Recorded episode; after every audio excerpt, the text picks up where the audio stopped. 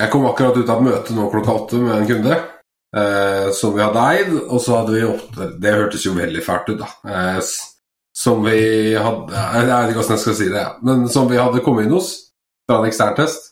Og så eh, varsla vi om det og sa at vi hadde fått tak i mye, mye snacks. Mye informasjon vi, som ikke skal ligge i e-post.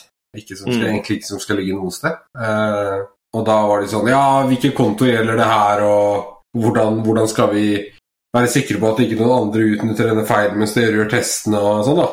Eh, så vi fikk liksom megla oss til at de skulle drøye patchen til og med fredag.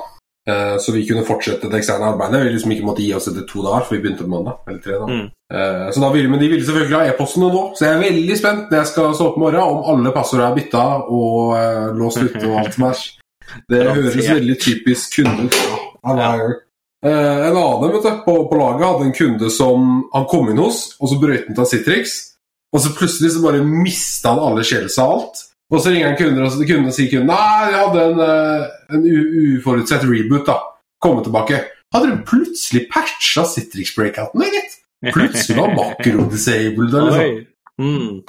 Nei, det var vel scheduled, det var scheduled eh, patching. Bare helt tilfeldig. Mm. Det er det klassiske eksempelet med Ja, vi, vi, de vet egentlig om det og har planlagt å fikse det om sånn et halvt år, og nå så de at Altså, en faktisk reell alert går på det i sokken og bare ah, faen, gutta, vi skal ikke bare patche det nå, da. Let's fix it, liksom. Så det er litt sånn ja, det er, altså, I guess I real life-scenario så er det jo valid, da, liksom, men det er jo litt ja. Når du vet at det pågår en test, så er det jo litt shady å, å hive alle disse testerne tilbake på scratch, da. Det er jeg helt enig i. Jeg har flere ganger faktisk bedt kunder om å Altså, at vi har funnet andre remediations som kan funke til testen er ferdig. Altså Selvfølgelig gitt at det ikke er sånn ubekritisk, men liksom ikke Ok, ja, vi fikk eh, compromise den servicekontoen her, f.eks., eller denne mailkontoen som skulle vært deaktivert og bla, bla, bla, men sånn La oss heller bytte passordet til noe vi vet om, da, og så fortsetter vi derfra, f.eks. Sånn at sånn, det ikke er liksom sommer 2020, f.eks., og så ja, gjør det sånn, da, men at man fortsatt liksom kom inn på den reelt sett fra utsiden. fordi hvis de bare fucker deg over sånn som det der, så er det jo kjipt. Det, altså, det ender jo opp med å koste de penger, liksom, fordi du må bruke ja, mer tid på det du akkurat sant. gjorde. Ja. De tenker vel ofte at, der, at liksom, den redder seg sånn rapportmessig. Ikke sant, veldig mye av disse store konsernene er veldig avhengig av hva den rapporten sier. ikke sant? Mm -hmm. uh, men den gjør jo ikke det. Vi kommer fortsatt til å skrive rapporten at vi kommer inn sånn her, men så blir vi kicka ut. Ja. Eller at eh, liksom, det ble fiksa ja, under way of testing, ikke sant. Og sånt. Ja, det sant. ser jo ikke noe bedre ut. Men det hørtes ut som et godt, en god, en godt kompromiss, da. Og, eh, og liksom, sånn som du, i tilfelle der det var snakk om passord, da, brukerpassord, og liksom, ok, da, da, bytter vi det, så det er sikkert, men vi får vite det så vi kan fortsette. Det er ikke det mulig i den casen her, men det var en veldig god, god greie. da. Godt, godt compromise.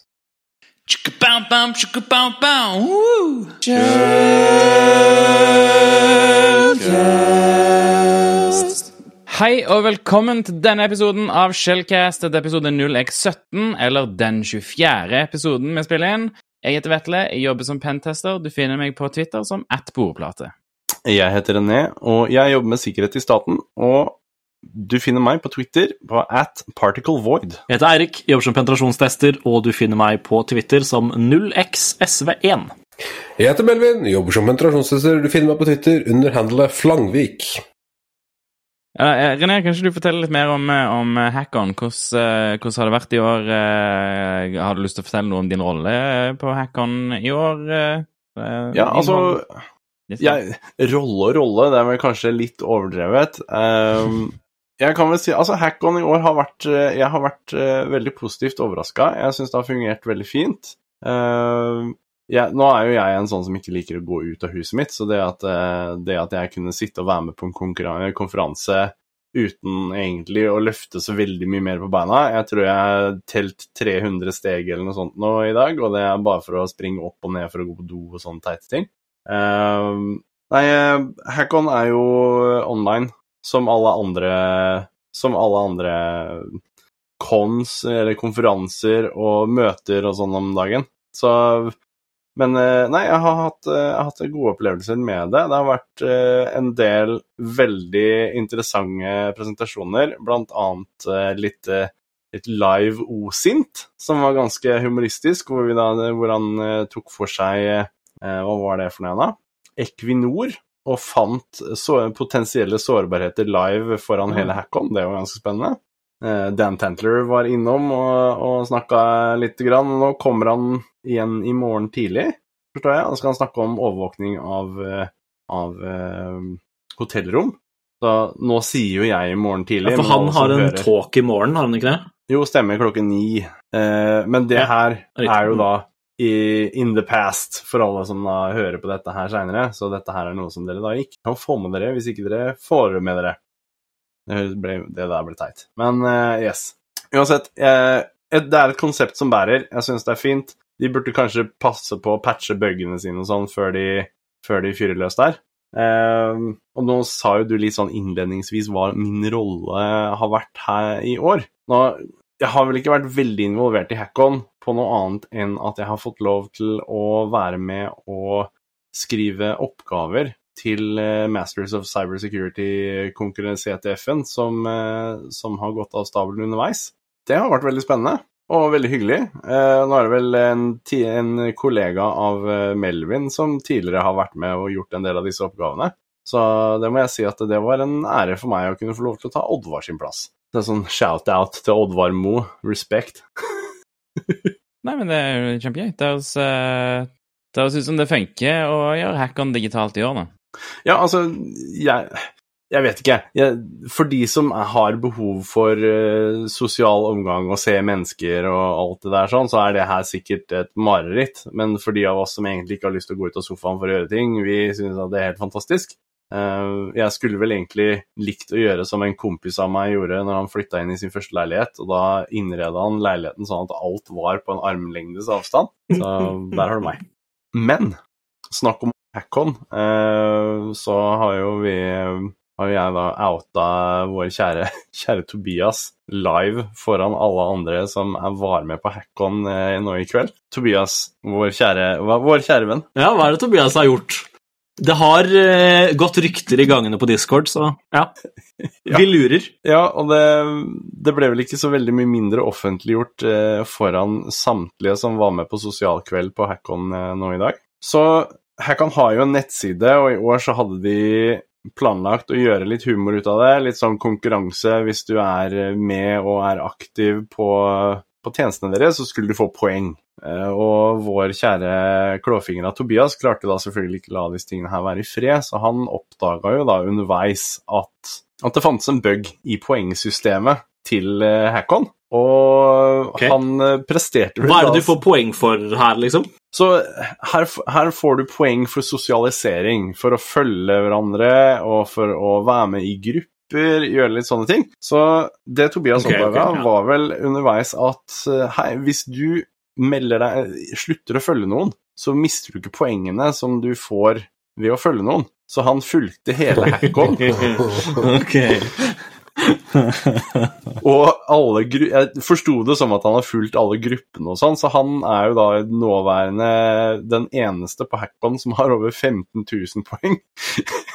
Eh, det resulterte da også tydeligvis i litt databasetrøbbel på Hackon sin side. så, så, mens han fant, fant, ut av dette her, så, så begynte nettsidene til, til Hackon å skrante litt. Eh, jeg opplevde at profilbildet mitt plutselig var bakgrunnsbildet på hele nettsida, og nei, det var litt rart. Eh, så, okay. men, så han, men han meldte fra da, og så fikk jeg tatt det videre med de som var på Hackon, eh, som har tatt det her med kjempehumør. Eh, det ble vel egentlig en sånn De flira litt, og de syntes det var ja, kjempekult. Så jeg syns de, de, gjorde det her i, i god spirit. Så ja, nei, så det, det, var litt humor. Og da selvfølgelig, når Tobias dukka opp i sosiale eventen, for i år så er jo da ikke noe fysisk event, alt sammen foregår på Zoom. Så når jeg da ser et velkjent fjes eh, inne på Zoom, så klarer jo ikke jeg la være å gjøre noe annet enn, som dere vet, oute han da foran alle som satt og var med i den chatten her. eh, for de som kjenner, kjenner, historien til meg og Tobias litt sånn tilbake i tid, så er jo ikke det her første gangen jeg eh, dytter han ut og gir han mer publisitet enn kanskje han er interessert i. Da. Men det resulterte vel i at han ble spurt om å komme og gjøre en, eh, gjøre en talk på Hackon i 2022, så får vi se om han tar dem opp på den. Eh, min oppfordring var vel det at han skulle ha en presentasjon på How I Hacked uh, HackCon 2021 til neste år. Så får vi se hva som skjer. Han var jo ikke dum i det hele tatt. Han skulle nesten fått en liten coin for det igjen der, syns jeg. Det var jo ja, skøy. Riktig. Jeg, er helt, jeg, så jeg, jeg syns det er bra at de tar det på den måten også. Det er veldig moro. Hvis du hacker en hackekonferanse altså som en deltaker, og det på en måte ikke er noe defacement og sånt, så burde du få en coin, som Melvin sier. Absolutt. Det er jo dritmorsomt. Han fikk han fikk instakred. Det er bra. Ja. Skulle fått noe swag der, det får han helt sikkert. Det, skulle, altså, det er veldig bra at de tok det sånn, men det skulle bare mangle. Det er, det er, artig å se at de har litt holdt på å si selvironi når det kommer til sånn, da. Og så er det litt morsomt da, for at de patcha det ved at de låste at man, til at man ikke kan få ha mer enn 100 poeng nå på Hackon. Så, så han går nå inn eh, i 2021 som den eneste personen på Hackon som kan klare å oppnå 15 000 poeng på, eh, på Hackon. Men har han gått forbi 1337? Han skulle jo stoppa på 1337. Ja, det, grei, altså, jeg, det er trist. Det, det, hadde vært morsomt. Kan ikke stoppe på 1337 når man skal ha mest poeng. Tenk om noen andre hadde funnet det samme hullet. Hallo? Og bare gønne på. Men 1337? Nei, altså, jeg prøvde meg jo fram, da. For jeg måtte jo verifisere at det han sa, var, eh, var, sant, at ikke det var en troll. For det ville vært så pinlig hvis jeg gikk og meldte ifra om det, og så, så var det bare tullefanteri. Så jeg kan jo bekrefte det at det var ikke så lett å bestemme hvor mange poeng du skulle få.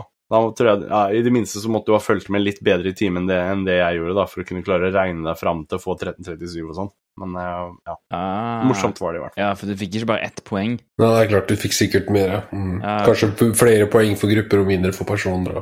Kult! Det er jo massiv creds, da. Ja, Med tanke på at han klarte å rekke opp 15 000 poeng. det var veldig morsomt. Det, det var veldig morsomt. Og jeg de eneste som ikke syntes det var veldig morsomt, var jo da alle de som han fulgte, som fikk e-post hver gang han fulgte dem eller slutta å følge dem. Fordi de får notifikasjon på e-post per sånn følg? Oh my god. Yes. oh, they mad. Det er troll. En kollega som reagerte på det. Ja, det sitter vel et par folk rundt omkring som syns det er litt kjipt. Det er ingen som vil ha varsel hver gang noen følger deg eller liker eller et eller annet. Nei, det er sant, ass. Da er du Hackon-fan, tenker jeg. Da er du blodfan. altså, De hadde vel bare ikke forutsett at Tobias skulle komme inn og klå opp systemet, var vel egentlig det som var greia her. Nei, jeg forutser aldri når Tobias kommer inn og klår på meg. Det er liksom, det kommer så ut av det blå hver gang. Det er, eh, det er en klåfingra fyr. Oi, oi, oi. War stories.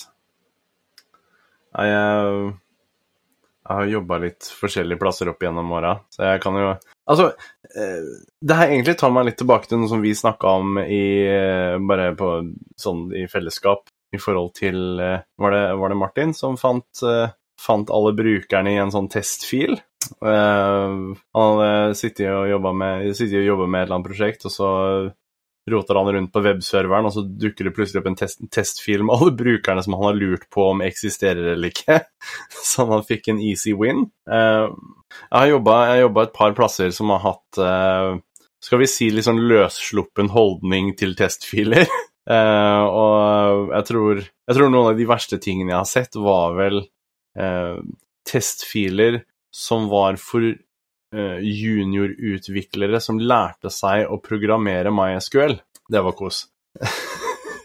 Og de da Hvor er det man mm. hoster sånne ting? Jo, det gjør man på produksjonsserveren. Klart. Under navnet sånn test eller test eller abcdfgqwerty.pop. Så jeg, jeg, vet ikke om det teller som en war story, men eh, jeg skal helt ærlig talt med hånda på hjertet si det at jeg har vært og lett etter de filene igjen i senere tid, og jeg har funnet en del av dem, og nå er det Jeg kan telle på to hender hvor lenge siden er jeg jobba der. det er det nærmeste jeg kommer war story sånn på stående fot. Ja, det er liksom ikke så mye mer å si enn det. Det er pain in the ass. Det er vanvittig mye testfiler rundt og går. Uh, jeg har som hobby å dorke meg rundt på nettet. Alle som uh, snakker med meg på fritida, vet at jeg støtt og stadig kommer med et eller annet teit jeg finner på Google.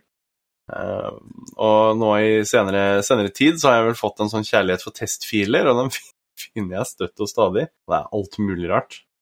All right. Uh, ja, Melvin. Du, uh, du, har skrevet, du, har skrevet, noe veldig nyttig nylig. Har ikke du lyst til å fortelle noe om, om det? Tool release, til og med?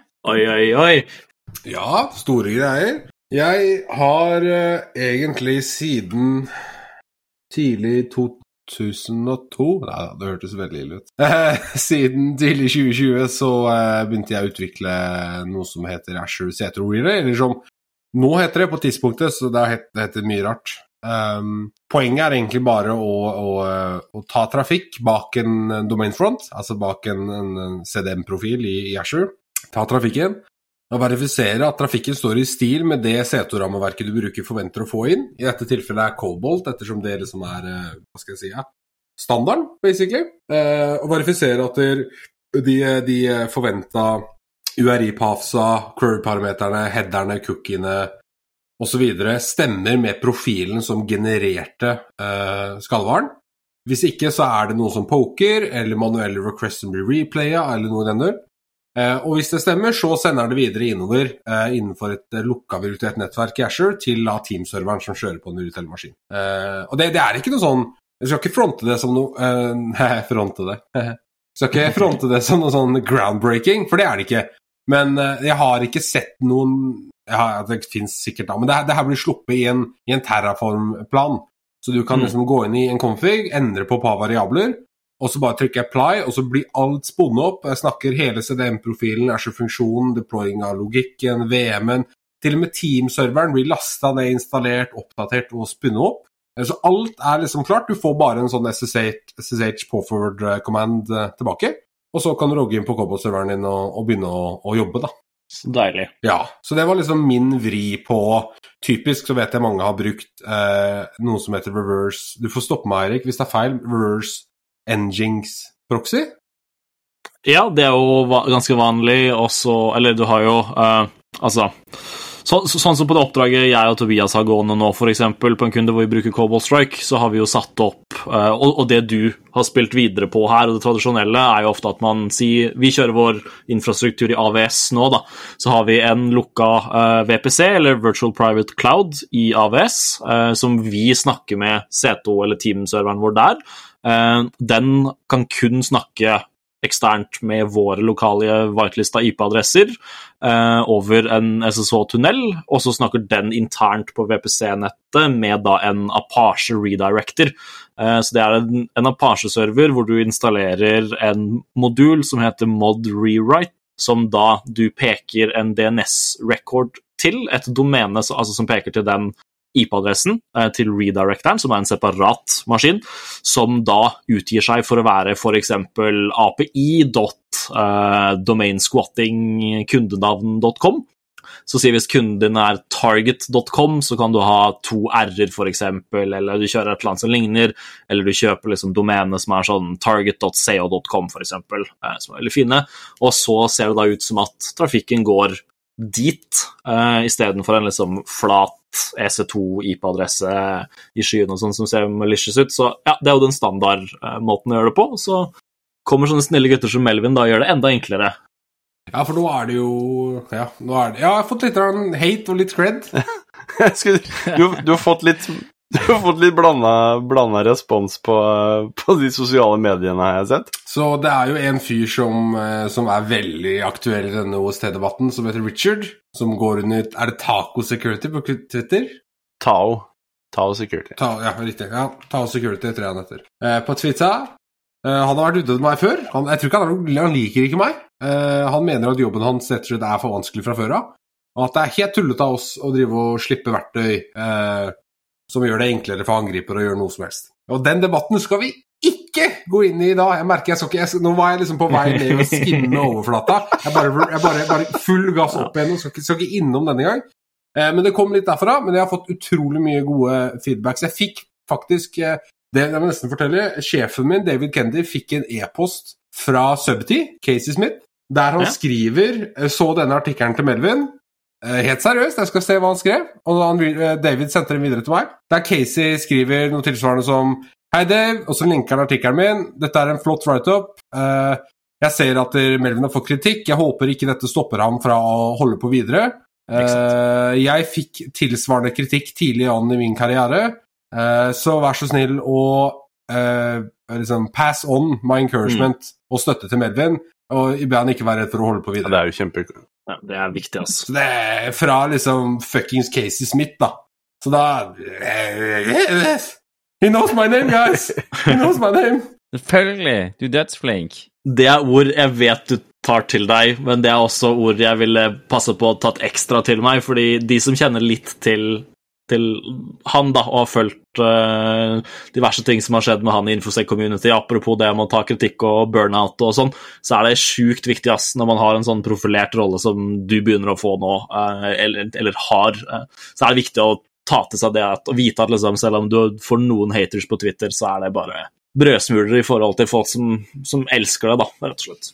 Og greia med hele greia med Infosec også, altså grunnen til at vi jobber med blue og red og purple teams og alt sånt, og det er jo strengt tatt vi er på samme team. Vi må bare være nytenkende, vi må sørge for at vi har eh, forståelse for angrepene, at vi forstår Forsvaret og alt sånt noe.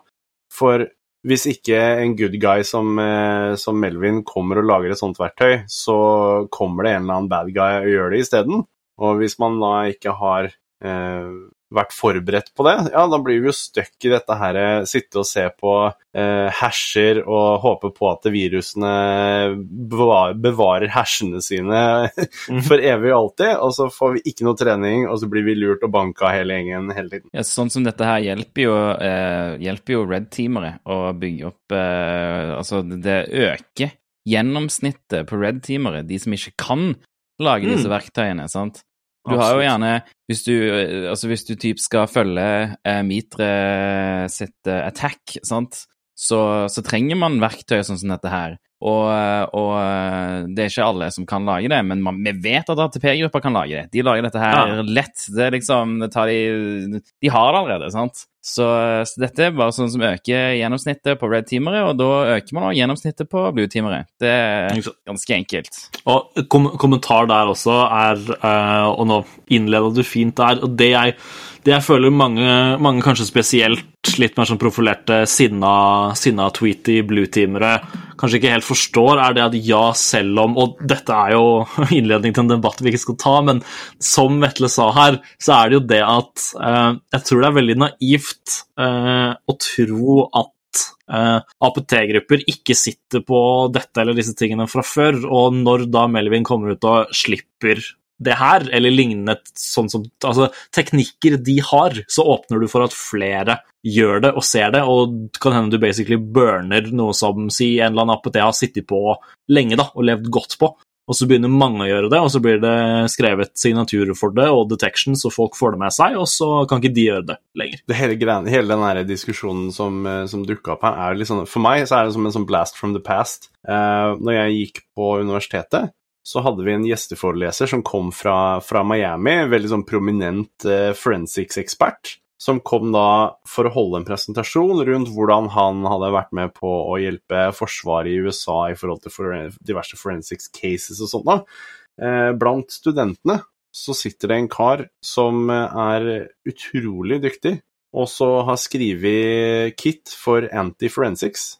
Og jeg sjelden at jeg har hørt en sånn prominent person være så motbydelig og ufyselig som når eh, da vår medstudent rett og slett stilte spørsmål rundt anti-forensics-teknikker og utvikling av sånne verktøy for å trene eh, forensics-eksperter. Og da dukker det samme greiene opp. At nei, hvorfor mm. skal man kaste bort tida si på sånn tull? For det hjelper ingen, det ødelegger bare alt. Istedenfor å faktisk se det at det du er i ferd med å utvikle, det er anabole steroider for blålaget. Så jeg syns det er synd da, at, eh, at det er sånn, sånn dårlig holdning rundt å bygge angrep i, altså Det er som å si det at nei, vi skal ikke ha vaksiner, for det er jo strengt tatt det vi bygger når vi bygger eh, Red Team-verktøy, så er jo det vaksiner som hjelper oss med å skjønne hva det er som foregår, sånn at vi kan agere på riktig måte når vi sitter på, på blå side. Ja, dette, det syns jeg er god, god analogi. Så vet jeg ikke om det er så bra for meg å si fra staten å snakke om anabole steroider, men det er jo nei, det var fordi det. det. Det er ikke så farlig. Nei da. Men eh, Nei, så jeg er jo helt enig i alt som blir sagt, og, og de fleste innenfor Infosec er enig i Altså hele, hele grunnprinsippet Da igjen tar vi diskusjonen vi ikke skal ta. Da. Jeg skal si litt til, altså gir vi oss på den diskusjonen, men Bare danse rundt den. Men grunnprinsippet vi, vi, liksom, vi teaser litt nå, vi gjør det. Vi må ha en full blown-out-debatt på det her senere, liksom. Nei, men eh, Men eh, hele konseptet vi gjør nå, ved å angripe, eh, rapportere og remediate, er jo bygd på akkurat det her. Vi må jo kunne finne opp teknikker. vi må jo kunne, I dette tilfellet her så er det bare en eksisterende teknikk som er veldig godt automatisert. Og som gjør det mer tilgjengelig, som du sier, for Red Teams, og sikkert for Badgas også, men også for det blå-laget, som kan gå inn og finne Ok, kan jeg eh, overvåke eh, HTTPS-sertifiseringer som blir spinna ut til Azure Red-domener? Kanskje jeg kan catche subdomener som relaterer seg til mitt selskap. Altså, det finnes jo masse rundt det her da, for å detektere det. Jeg er helt sikker på. Uh, så uh, det, det, må det jo bli, ikke sant, hvis vi skal bli bedre. Så ja, nei, nei jeg er helt enig i alt som blir sagt. og ja, det, jeg var uh, Tidligere i fjor så, så, var han her ute igjen med et eller annet. Var, jeg tror det var Netloader. som basically var en sånn svær middle finger til signaturbasert deteksjon. Der hvor jeg overvåka Windows Defender, og så outputta jeg noen greier på GitHub som forbipasserte hver gang. og sånt. Det det var litt troll og roll, da. Men da også var han ute og liksom eh, Han, han, han, eh, han quota meg ikke i tweeten min engang. Han screenshotta tweeten min og posta den, og så kommenterte han liksom at der, uh, det her, han, han, sa liksom at tanker sånn som det her er farlig, og tenk om vi hadde klart å holde alle sikkerhetsresearchere ansvarlig for skaden de gjorde, og det var ikke måte på, liksom. Full blown out. Og Da var jeg jo quote on quote alene. Nå jeg jo, fikk jeg liksom umiddelbar backup fra både liksom, Red Team og Advanced uh, Testing-leaden vår, uh, Justin, og det var Ja, nei. Det, men det, det, var moro. Det var en veldig veldig katrol-release. Uh, fikk masse traction, så det, det, er kjempemoro. Det er både bra for meg og både bra for Trusted Jeg fikk mye god, god feedback innad i Trusted på det, da. så det var moro. Generelt veldig moro. Kult. Det er fett. Jeg regner med at uh, link til dette her kommer i shownotes. Det, For det er vel sikkert folk som vil uh, sjekke ut dette nå? Alle kommer til å ha lyst til å følge med på den der, der Twitter-feuden. Nå blir det, nå blir det rabalder på nettet. Ja, roa seg litt nå, tror jeg, men uh, det var litt morsomt. ja. Ah, Twitter, uh, Twitter-feuds er noe av det dummeste. Det er bare å ignorere. Fucken alle skal ha en mening om alt, så det, det, er ikke noe vits å engasjere, engasjere seg hardt inn i. Tower Security, som du snakker om, har jo tidligere sagt uh, uh, Meint at uh, man ikke oppfører seg profesjonelt nok i infosec-bransjen som en helhet, og har Ja. Man forstår, forstår, for det han sier. Det er bare å gå inn og lese tweets, så ser man hva slags type person er. Han Jeg husker i hvert fall når han Han er en avid bokselger, i hvert fall. Jeg husker når han calla ut meg først. Ja, ikke sant? Pinna tweeten hans er jo bare liksom bøkene hans The Best of Tao Security Blog volum 1-3. Det er jo så ah, Det her vedkommende må jo være så selvoppblåst, så det er ikke helt, er ikke helt realistisk. Men, uh, men, sånn er det. Må ha noen sånne òg. Men var, var, det, var, det, sist, uh, når du og jeg satt og skravla, Vetle, at vi snakka om forensics? Eller datagjennoppretting, eller var det på et annet Ok, ja. Så på, på, et eller annet tidspunkt, en av de siste to gangene hvor jeg har vært med på, på podkasten nå, så ble det ja, nei, Det var forrige episode. Det var forrige. Ja, så vi prata om uh, gjenoppretting av data. Jeg tenker, jeg, bare en sånn liten sånn avstikker, for jeg syns det var litt morsomt. Uh, for der nevner jeg at uh, jeg har gjort data recovery for litt venner og bekjente og litt sånn tilfeldige personer som har bedt om det. Og før jeg begynte å bli flink til å bruke verktøyene mine skikkelig, så hadde jeg noen flauser hvor jeg fikk se litt intime data og sånt noe. Eh, og da har jeg bare lyst til å lese Altså, så jeg fikk en feedback, da, av en lytter, som da tydeligvis også er noen jeg har gjort eh, data recovery for, som var ekstremt urolig for om jeg hadde huska å skru av eh, thumbnails når jeg hadde recovera data fra. Uh, jeg kan da med hånda på hjertet si det at uh, jeg har lært av mine feil, og det her var data recovery som var gjort på såpass sent tidspunkt at uh, jo, jeg hadde skrudd av thumbnails, men som jeg presiserte også for da min kjære venn her, er at uh, jeg vil helst også få lov i den sammenhengen her å få lov til å slippe å vite hva det var jeg, slags kule jeg dodga når jeg hadde skrudd av thumbnails på recoveryen hans. all, all info på datamaskinen er offentlig info. Det er sånn jeg lever. Jo da, men det er ikke alt jeg har lyst til å se. Jeg kan godt hjelpe deg med å få tilbake dataene Nei. dine, men jeg har ikke lyst til å se goatsen din, i hvert fall ikke hvis han er hjemmelaga. Nei, jeg må, jeg må, presisere. Jeg mener ikke all info på andres datamaskiner er offentlig. Jeg mener all info på mine datamaskiner er offentlig, og jeg prøver Jeg later som det er offentlig, så det er ikke noe der som jeg føler hadde vært flaut å komme ut. Det er ting som ikke burde, det er sånn passord og sånne ting. sant? Men det er ikke flaut. Ingenting som er flaut. Nei, for alt ligger lagra på en server i Kina. Det er sant. Jeg prøver å unngå det så mye som mulig, men det er vanskelig, ass. Uh, nei, jeg ville bare, vil bare, gi en shout-out til OVASP, altså Open Web App Security Project, som har gitt ut en cheat sheet-serie med uh, diverse Hvordan du Hvordan file-upload cheat sheet, for eksempel. Så file-upload threats og file-upload protection. Og ja, det error handling cheat sheet, uh, hvordan du skal håndtere det, hva som kan være farlig der. Så alt slags sånne greier som er der, da, på samla alfabetisk, eller du kan òg ha det etter deres De har noe som heter ASVS, som jeg ikke husker nøyaktig hva står for akkurat nå. Application Security VS, I don't know. Så, så, der kan man finne, finne en del cheat sheets på, på hvordan vulnerabilities funker, og hvordan man fikser de. Så eh, jeg synes jo egentlig at uh, Ovas burde ikke ha publisert dette, for noen angriper bare gå inn her og lese på cheat sheets. Ai, ai, ai, ai, ai, ai. nei, nei, altså det, det er tipp topp. Det er tipp topp for, tip for både pentestere som, uh, som trenger Som sitter litt fast og skal og, og er det sånn ah, Hva skal jeg gjøre nå? Og så kan du bare gå nedover og se. Uh, ah, Ajax Security cheat sheet, og så går du inn og så leser ah, det kan jeg prøve å gjøre. ok, bla, bla, bla. Det er bare å begynne å sette i gang og automatisere disse cheat sheetene, da. Det blir for mye. Ja. Det blir for mye for enkelte, tror jeg. Ja. ja. Men så er det òg godt for, uh, for uh, utviklere, da. Og det, det er OVASP. OVASP er jo for utviklere. Det er et prosjekt for å, for å hjelpe utviklere å skrive sikrere kode.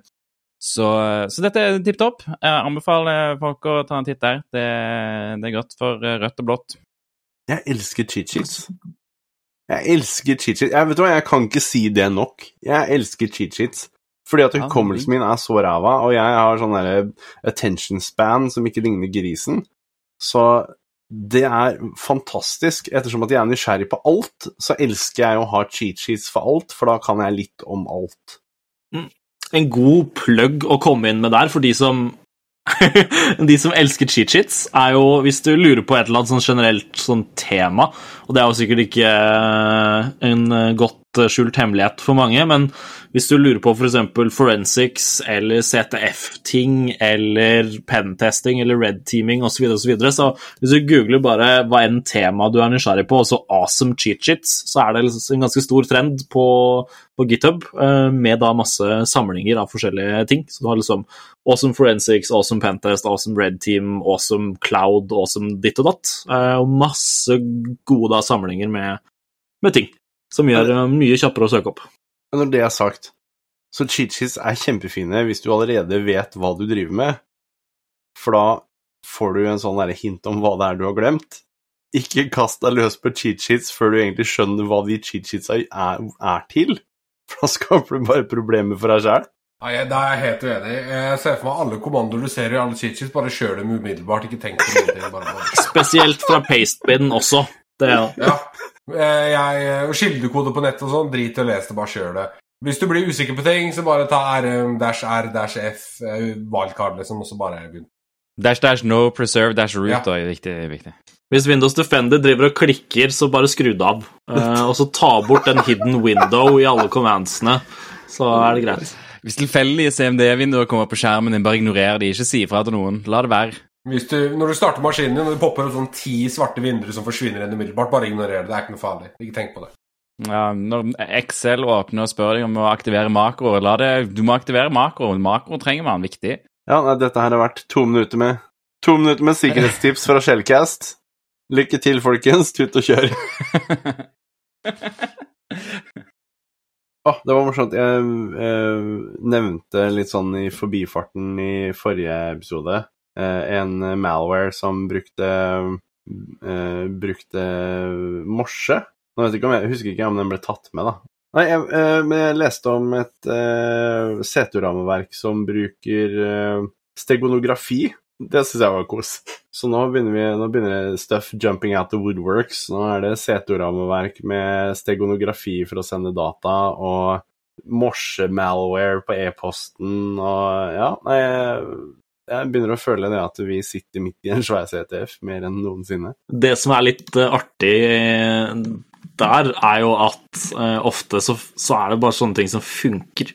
Jo jo bare mer banalt det er, og jo mer bare weird, da, til, til noen slipper et tool av det og publiserer det på, på Twitter, sånn som Melvin holder på med, så, så bare så bare funker sånne veldig banale ting, og liksom ofte jo, jo, jo mindre malicious du bare gjør det, uh, ja, så vil det funke, ikke sant, på sånne banale ting som morsekode eller uh, jeg tok et kurs uh, for litt siden med Joff Fire fra Black Hills Information Security, hvor han demoa um, noe han kaller for Open C2RAT, som jeg tror ikke det har kommet ut ennå, men uh, han har lagd internt hos, hos, de i hvert fall. Uh, og der hadde han en modul da for det Open C2RAT som, som kjørte kryptert shellcode via DNS records uh, inn i det, som var jo et veldig kult eksempel. Og det er sånn derre Ja, det er jo faktisk mulig. Så det var lignende ting den uh, morsekode-payloaden der gjorde òg, så kult.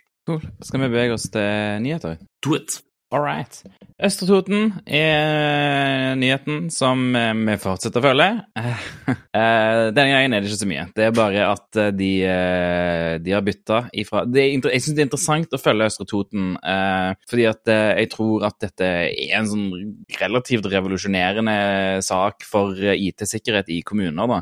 Og gjerne eh, viser nok eh, mye Jeg tror mye av det vi ser her, er mye av det som, det som gjøres på liten skala eh, i eh, eh, Altså, dette er liten skala av det som gjøres f.eks. med Stortinget og eh, staten som helhet. da. Men siden det er en liten kommune, så ser det ut som de er litt mer åpne enn det vi får om, om typ Stortinget og alt som skjer, skjer der. da. Eh, men så de har nå flytta De hadde alt av IT-drift i rådhuset, i kjelleren på rådhuset, syns jeg de står. Eh, og de har nå flytta det over til et lokalt, eh, lokalt selskap i Østre Toten, så det er jo hyggelig å høre, da. Men ja, det er egentlig oppdateringen. Det er ikke så mye mer. De kan ta seks måneder og og fikse alt og retanke og, og drit, og de etablerer helt ny infrastruktur. Men det er på en måte ikke helt overraskende. Ja, så er de redd for at, eh, at uh, ransomware skal ligge i backups, som de har, så de tør ikke ta ut backups. De er redd for at ransomware skal ligge i de, så hvis de tar de ut, så kan det hende at det kjøres igjen. Så det virker ikke som de har helt uh, kontroll på nøyaktig hva backups er, og det virker ikke som de har helt gjort, uh, gjort forensics og sånne ting. Men det er en liten kommune, så jeg, jeg, jeg, skjønner at det kan være vanskelig, og de har så gjerne ikke råd til det, da. Jeg syns det her gjenspeiler jo veldig mye holdninger som vi har hatt i lang tid, og jeg syns altså, det er kos å se altså, Unnskyld, Østre Toten. Jeg sier ikke at det er kos å se at dere blir utsatt for ransomware, men jeg syns det er kos å se det at eh, alvorlige konsekvenser skaper nytenking og ny forståelse.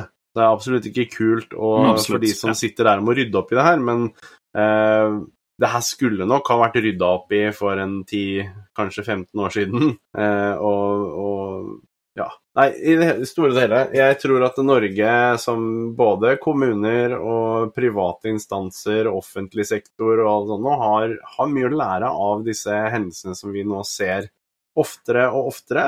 Eh, de kommer ikke til å komme noe sjeldnere heller. De kommer til å komme mye oftere i framtiden. Noe mer automatisering og ja, Nå har vi jo fått Malloran til uh, Melvin ut på G her, så nå blir det full fres i alle sektorer. Nei, men, eh, nei, men spøk til side. Det er, det er, mye som skjer på angriperfronten som kommer til å utfordre eh, klassisk tenking i privat og offentlig sektor i Norge.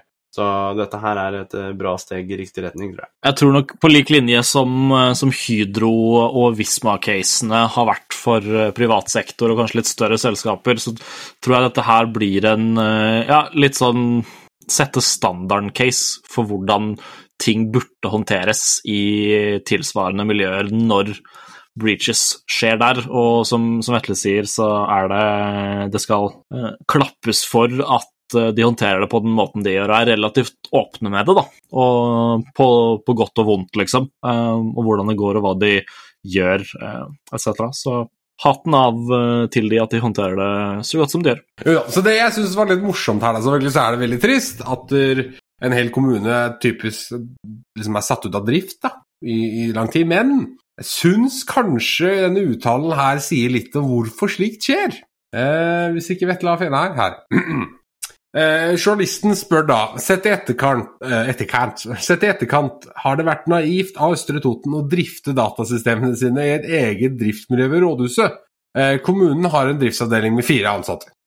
Og så svarer da sikkert IT-ansvarlig eh, det som i hvert fall er et faktum, er at så lenge noen kunne bryte seg inn, slik at det fikk så fatale konsekvenser, så er konklusjonen at det ikke var sikkert nok. Det er for så vidt helt enig. Mm. Men så sier han men jeg har jobbet i flere kommuner med digitalisering og IKT, som noen av områdene jeg har vært spesielt opptatt av, og mitt inntrykk er at Østre Toten ikke var noe spesielt dårligere sikret enn andre kommuner.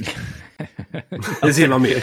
Det sier meg for det første at han mener at dømmes sikkerhet er så bra som alle andre kommuner er, og at da alle andre kommuner også kommer til å bli utsatt for ransom. Uh, han det, liksom, det sier så mye, da, liksom. Hvor er IKT sikkerhetsansvarlig? Ikke-eksisterende. Ikke sant? Hvor er liksom, det, altså, Reporteren skulle jo kanskje spurt her har dere noen gang hatt en pentest, innside utside, en revisjon, noe som helst. Ble ikke spurt. Går i utgangspunktet at de ikke har noen ting. Ikke sant? Så det sier så mye om mentaliteten. Det er liksom, det er han stakkarslige digitalisering- og IKT-medarbeideren som må stå helt ansvarlig for driften sammen med tre andre. Ja, nei, altså, det er jo jeg, jeg tror ikke det er feil. Det er nok ikke det samme som det er i mye andre kommuner, men det bare er dårlig all around. No Trist offense til, vet du. Ja, nei, no offense til kommunene, men det er vanskelig, da. Sånn, Sånn, som, sånn som jeg tror ordføreren var ute og sa, jeg tror vi snakket om dette i forrige episode, uh, at uh, at de, de, har, de, har, hatt vanskeligheter med å, med å uh, fokusere på økonomi, på, altså budsjettere for sikkerhet. da. Så hvis ikke de har noe budsjett å drive sikkerhet i det hele tatt, så er det dårlig sikkerhet. Sånn er det bare. Du kan være 100 IT-ansatte, du kan være null. Det, hvis ikke noen budsjetterer for sikkerhet i det hele tatt, så har du heller ikke sikkerhet, liksom. Sånn har det blitt. Før så kunne du ha en fyr som var ordentlig interessert, en, IT-dude som jobba i, i, eh, i avdelingen som var liksom ordentlig interessert. og sånn, Vi, vi fikser alt, vi patcher alt, vi, liksom, er dødsflinke. Men det går ikke lenger. Det, bare, det, det begynner å bli for komplisert. Det går ikke. Du må budsjettere for sikkerhet. Nå skal ikke jeg sparke nedover, men eh, i etterkant av eh, Østre Toten-casen, så ja jeg skal, ikke, jeg skal, ikke, si det at jeg ikke gikk på showdown for å ta en liten kikk på andre kommuner. Eh, Så jeg, jeg, kan vel enkelt og greit si det at jeg kan nok bekrefte det, at det du sier der, Vetle, at ja, de burde kanskje budsjettere litt bedre på sikkerhet i flere områder i Norge. Jeg skal ikke peke noen fingre, for da vet vi at det smeller en eller annen plass. Og dette var det vi diskuterte sist, at det liksom eh, hadde vært bedre hvis kommunene hadde vært sammenslått, det hadde vært et felles system for mye av det her. Eh, vi snakka om liksom, den gigantiske norske skyløsningen som skulle bruke Asher Tech, men som skulle være ompremie i Norge. Og I dette tilfellet her så tenker jeg sånn alt annet hadde vært bedre. Liksom, ha, få, jeg, nå, vet jeg, nå, vet jeg, ikke om Athea, Athea tilbyr liksom, driftshosting, men en eller annen gigantisk konsern som tilbyr liksom, hosting av server, en datapark, hadde jo vært bedre enn kjelleren i rådhuset. Sammen med fire ansvarlige, liksom. Det er Nei, det, det er naivitet, altså. Det er naivitet det går på. Det skal, jeg skal ikke blame noen, men det er, liksom, det er sikkert budsjett og naivitet. Litt gjort sånn alltid, da. sant? Når det først starta vi til alle kommuner, basically Eller alle, det skal jeg ikke si, for jeg vet ikke. Men jeg, eh, jeg tror mange kommuner eh, har bare de har hatt IT-en inhouse eh, veldig lenge, og så har det gått eh, helt OK. Akkurat som når du hoster hos noen andre. Det går helt OK. Det går, nesten, det går ikke bra nesten uansett hvor du har IT-en din. Uh, men uh, så, så har de bare fortsatt med, da. Det er billigere, uh, virker det som, enn en å gi det over til Evry eller Athea eller whatever. Men jeg vet jo, jeg vet at selv de som har IT-en sin hos disse selskapene, disse massive selskapene som Evry og Athea, som, som Og de, de får ikke noe bedre service der. Det er ikke sånn at, sånn at det blir så mye bedre å ha IT-en din hos noen av de. Det bare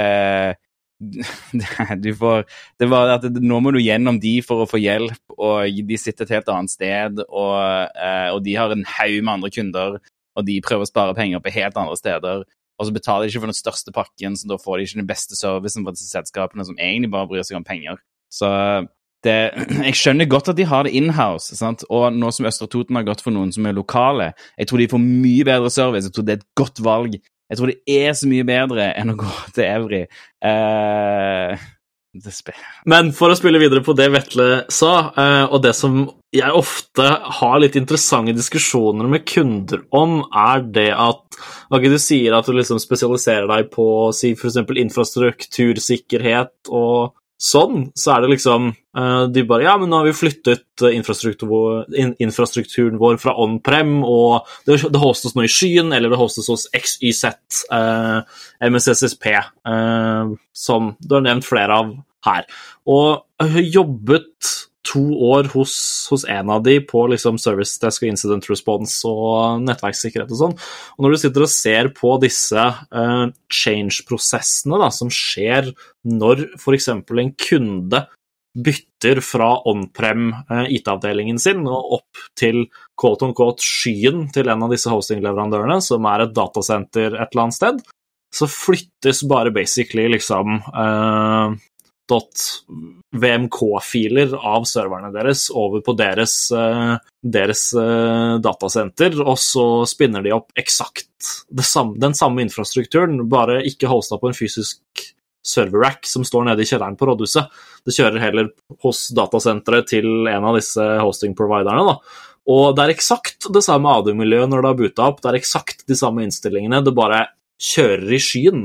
Og det er liksom sånn Ja, det er jo samme om vi kobler oss på IP-adressen som pekte til uh, on-premen deres, eller IP-adressen som peker til datasenteret for å logge inn på Citrix uten MFA, liksom. Det har ingenting å si for oss når vi tester eh, AD. Så hvis de gjør sånne løsninger, så gjør det jo liksom ingen forskjell, da, om det står on-prem eller uh, i såkalt skyen, når de kjører en skittig AD-oppsett uansett. Da tror jeg vi runder av Østre Toten der. All right. Så eh, Vi snakka tidligere om et eh, psykoterapisenter i Finland som ble hacka, eh, og, eh, eh og, de mista data til en haug med pasienter, og pasientene ble utpressa for, eh, for, penger. Så det psykoterapisenteret har nå blitt Altså, de har begjært seg konkurs, og, og, det er et av få selskaper da, som, som faktisk har gått konkurs som direkte resultat av å bli hacka. noen tanker om det, gutter? Suger blir hacka, da. Shit. det, er, det, er, godt sagt. Du trenger ikke å si noe mer enn det.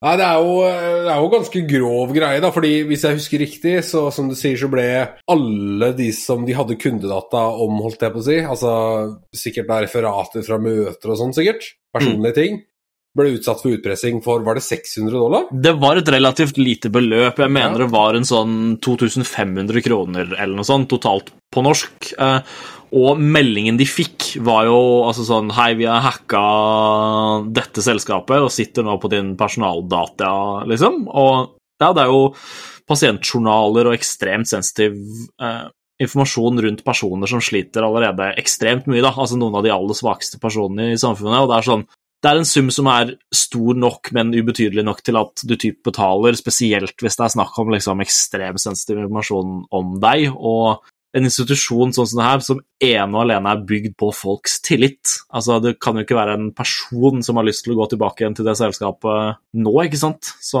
ja, de kan jo umulig ha noen kunder etter en sånn case som det. Du kan, kan, sikkert regne med at det har vært en del søksmål inne i bildet og sånt, og også, som gjør det at ja. Uh, ja det blir vanskelig å, å, å fortsette.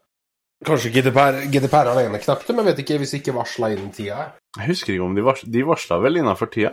Gjør de ikke det? Ja, jeg mener å huske det, ja. Da for de av dere som sitter og hører på, dere kan faktisk hoppe tilbake og prøve å finne ut hva vi sa originalt, for det er ingen av oss som husker det. Ja, det men det er en stund siden. Uh, det er en av de tidligere episodene vi hadde. Så, men det, jeg, jeg, føler det er greit at, selv om vi ikke har så mye å si om dette, gjerne, så er det greit at vi, uh, at vi tar opp uh, vid, altså tar opp hva som har skjedd. da. Vi tar opp ting som vi har snakka om tidligere, og, og tar opp follow-up på de sakene. da. Det er jo interessant.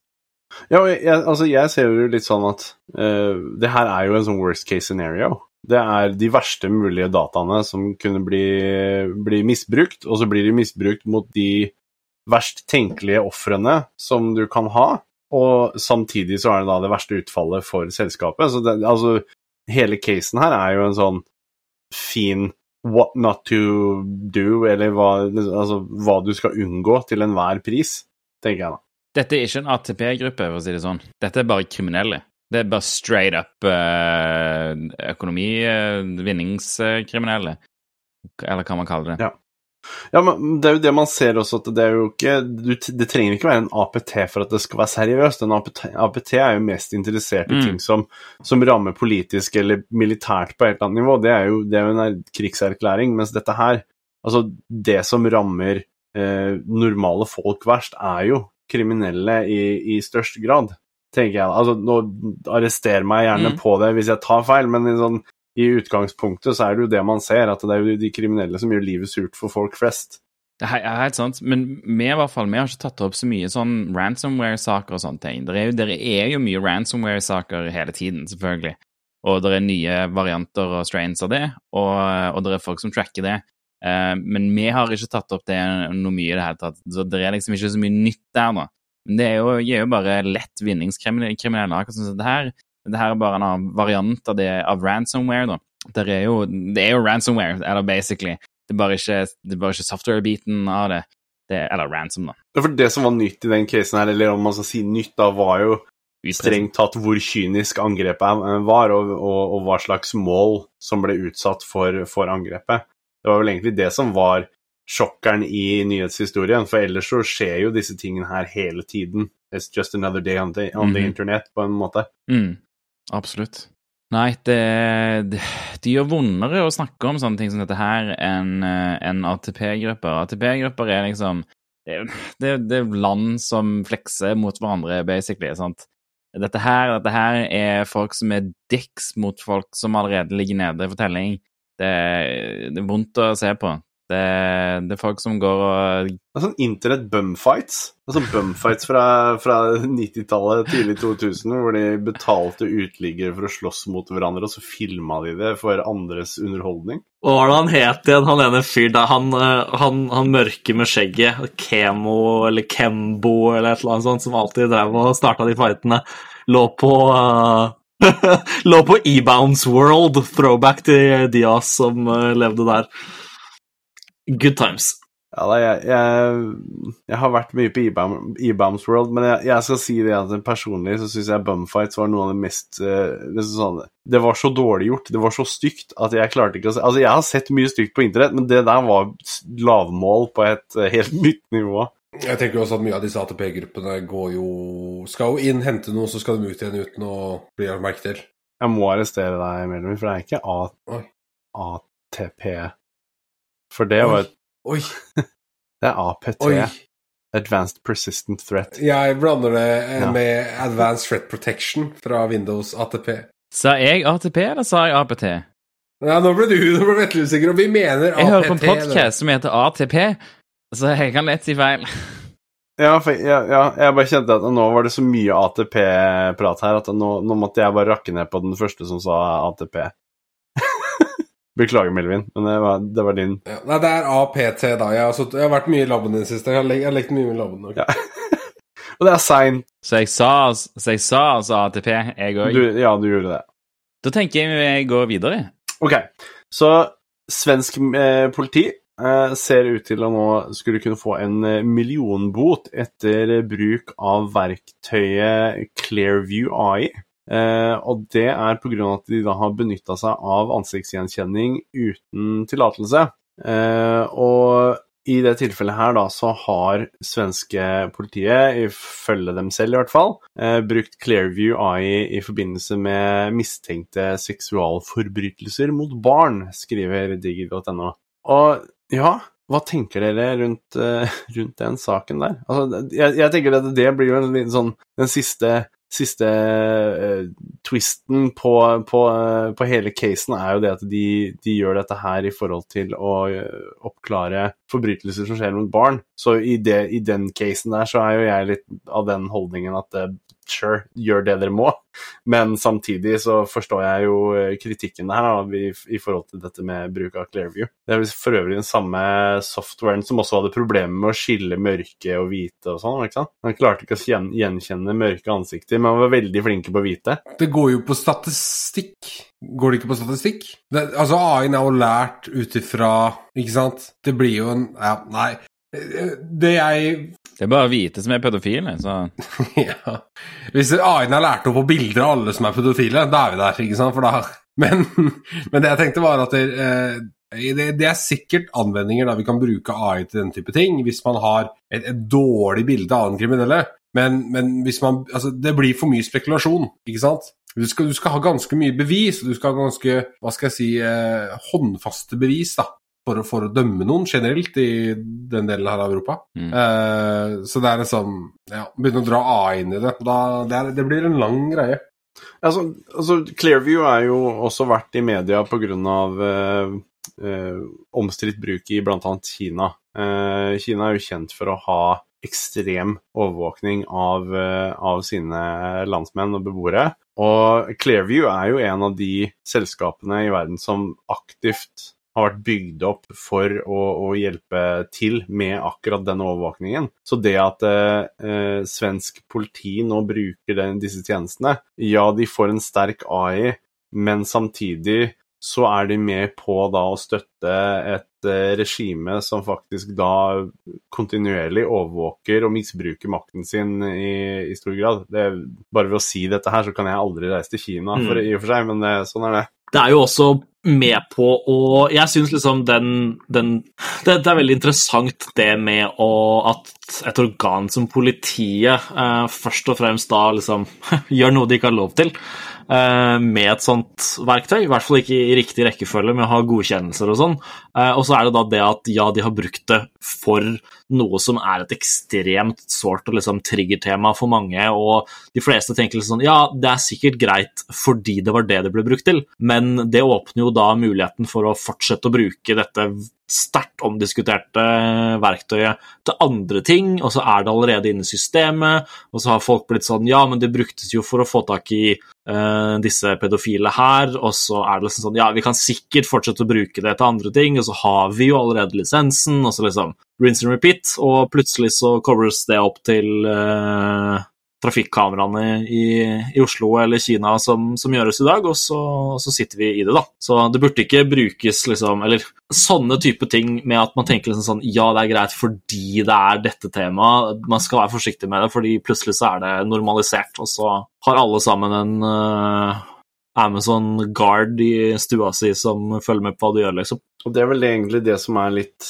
eh, litt problemstillingen her også, er jo eh, det å ufarliggjøre teknologi ja. som i utgangspunktet har et sterkt potensial for å misbrukes, eh, og ved å bruke det på feil måte eller uten tillatelse, som da i det tilfellet her, hvor, hvor politiet i utgangspunktet må ha tillatelse for å få lov til å eh, gjøre sånn granskende Eller bruke sånne granskende metoder så legitimerer man bruken av det i andre tilfeller, og før man vet ordet av det, så har man, uh, har man AI som kjenner igjen sjåførene, som kjører biler ved, i, når de blir stoppa i fartskontroller og litt sånne ting. Og da er vi ikke mm. langt unna det å samle informasjon om borgere og lagre dem for å analysere atferd, og så er vi Black Mirror Kina-tendenser hvor borgerne får poeng avhengig hvor Point exactly. Yep. Hvor lite de fiser på butikken og sånn.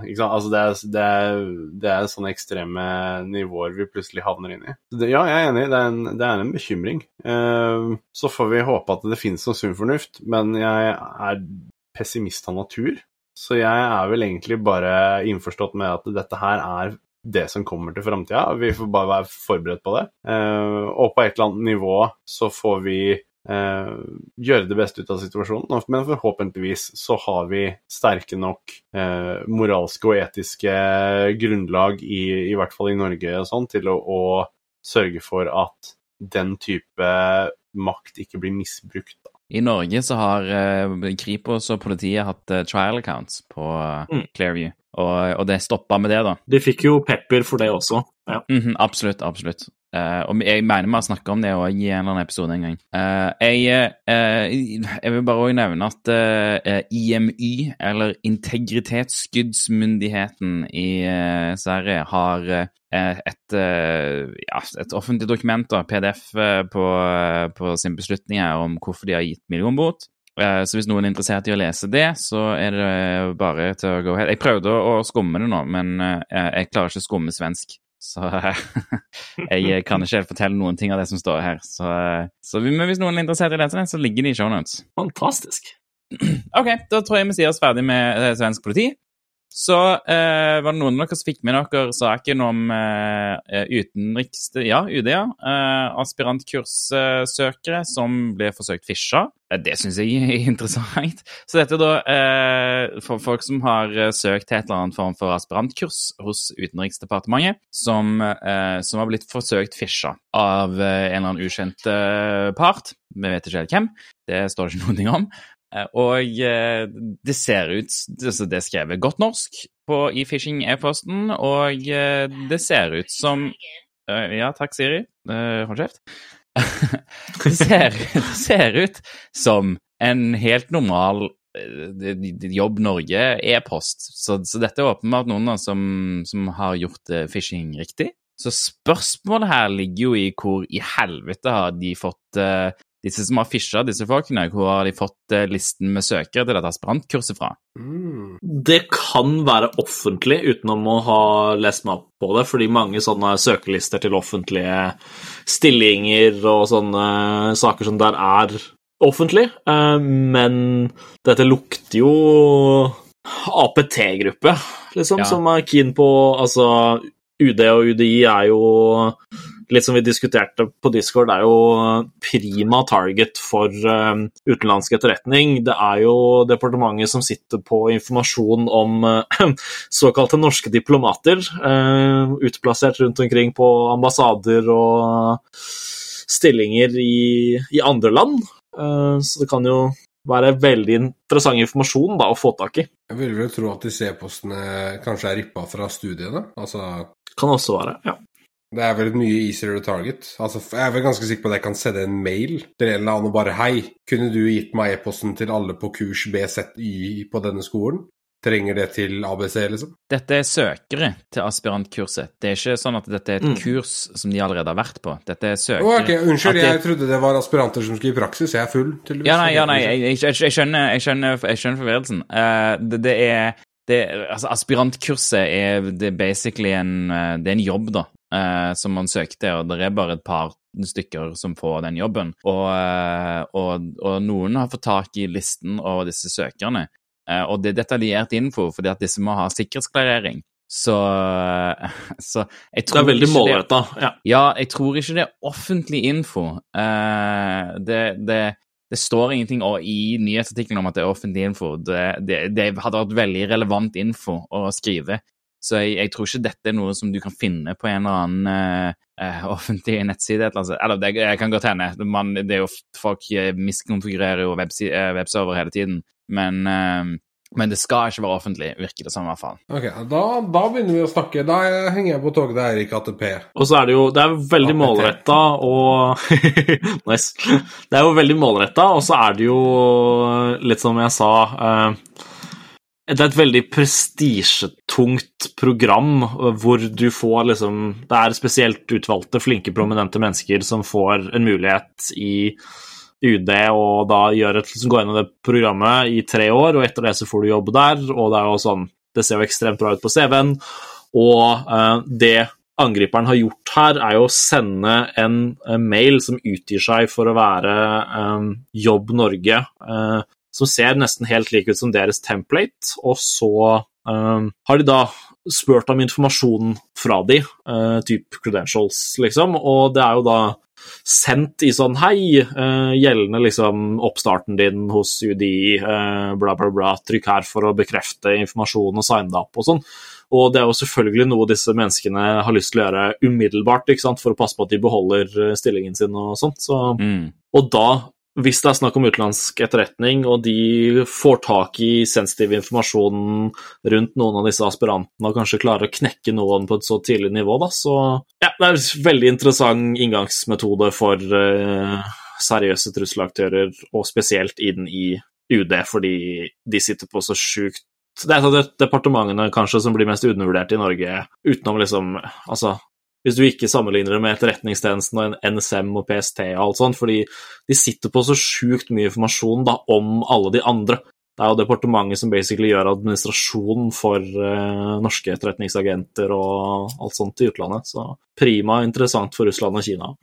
Ja, for det jeg, det jeg er litt forvirra over her, er at uh, de skriver, Aftenposten skriver her i saken at NSM opplyser at de ikke er involvert i håndteringen av denne saken.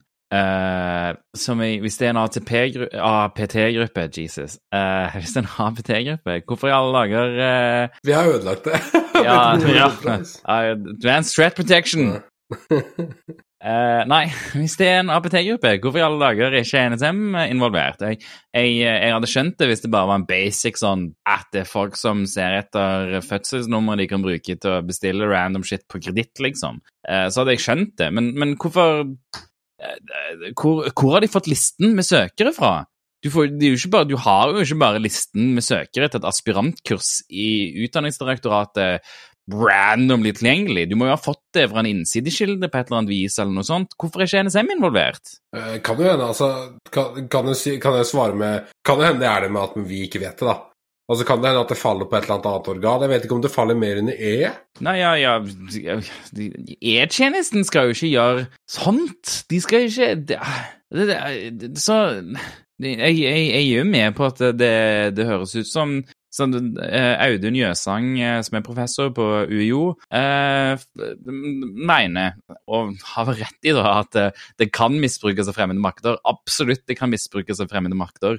Vi diskuterte jo dette på, på Discord, Eirik, og, og, du har et godt mm. poeng der med at om ikke det er så relevant akkurat nå, så kan det være jævlig relevant seinere å ha tilgang til Eh, til et eller annet data da, hos, eh, hos, disse folkene som kanskje, kanskje ikke skal begynne i Utdanningsdirektoratet. Så jeg forstår ikke hvorfor NSM opplyser at de ikke er involvert i håndteringen av denne saken. Det, det så, doesn't compute. Så En av mistankene rundt hvorfor de kanskje ikke er involvert, er jo eh, at de mistenker at dette her er gjort i forhold til økonomisk vinning. Eh, det som står i saken her, er det at eh, minst én av bankkontoene til en av de målene har blitt forsøkt eh, påvirka. Så det er blitt forsøkt å trekke da penger fra en av jobbsøkerne.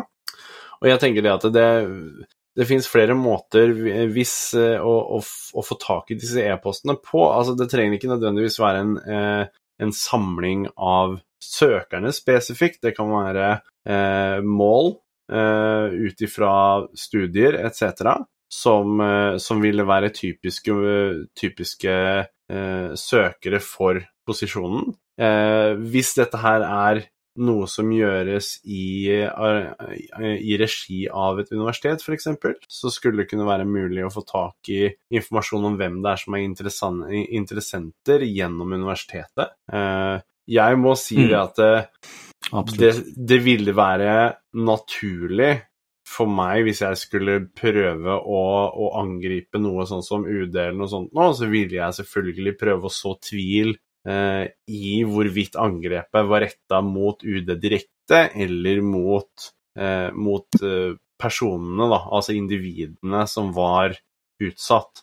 Og gjennom da å gjøre et forsøk, det kan ha vært et dårlig forsøk på å tappe en konto for å avlede, så klart, så er det jo ikke umulig at dette er eh, politisk eh, motivert. Men jeg tenker også litt i at hvis NSM går ut og sier det at de ikke er med på etterforskningen, så finnes det jo et par muligheter til hvorfor de ikke er inkludert. Det ene kan være det at de som etterforsker saken, mener at det ikke er noe sjelelig behov for å trekke NSM inn i saken. Eller så har eh, NSM gjort en vurdering av situasjonen og sagt at inntil videre så ser dette her ikke ut som eh, noe som de, de, trenger å blande seg inn i. Så jeg tror igjen at dette her er en sånn typisk sånn sak som vi ikke sitter på alle dataene. Men at hvis vi hadde sittet på mer data, så hadde vi kanskje visst litt mer i, i hvilken retning dette er eh, politisk eller økonomisk motivert. Ja, absolutt. Ja, for, for jeg vil jo si at uh, uh, uten, uten, Og nå snakker jeg litt ut av ræva mi, for jeg har egentlig ikke peiling på APT-grupper whatsoever. Men jeg vet at Nord-Korea uh, har en tendens til å til å, å, gå for økonomisk vinning i tillegg til whatever poenget deres er med angrepet.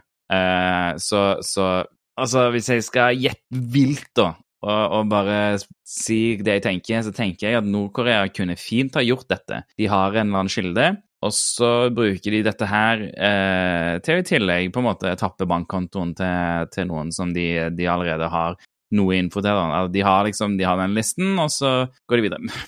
Men som du sier, da, det må jo være en grunn til at NSM har bestemt seg for at dette er ikke så betydelig, da. Hvor mange hvor mange, altså, hvor mange personer er det vi snakk om har fått den e-posten? Står det noe om det? Det er ikke så mange i den, uh, i den aspirantgruppa, så det er jo relativt målretta derfra, men Ja, men liksom, hvis det er sånn mm. hvis, hvis, jeg skulle fiska noen for creds for å si Ok, la oss si jeg tror denne aspiranten her får tilgang til systemer jeg har lyst til å enumerere, så, så, hadde jeg plukka ut kanskje noen, og ikke Jeg vet ikke.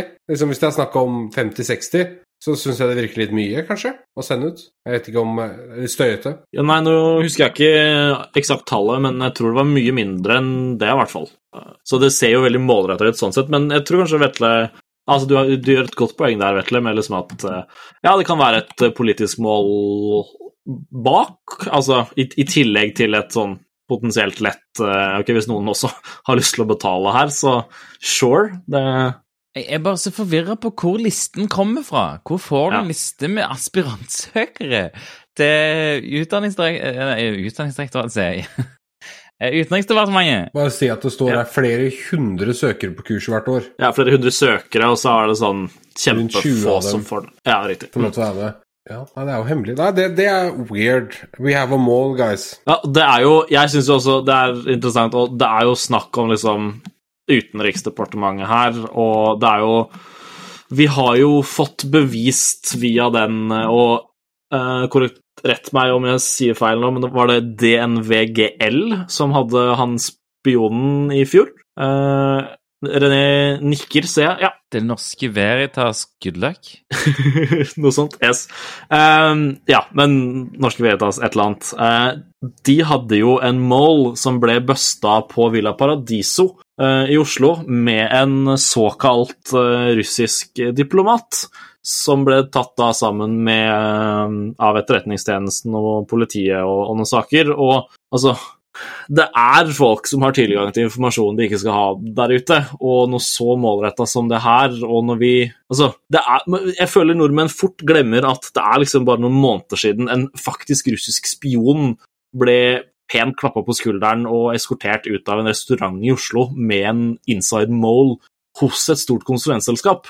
Uh, det er liksom informasjon fås tak i. Eh, det er ikke sjokkerende, på en måte. Og mannen vår som jobber nært dette, har ikke sagt noen ting på et kvarter, så liksom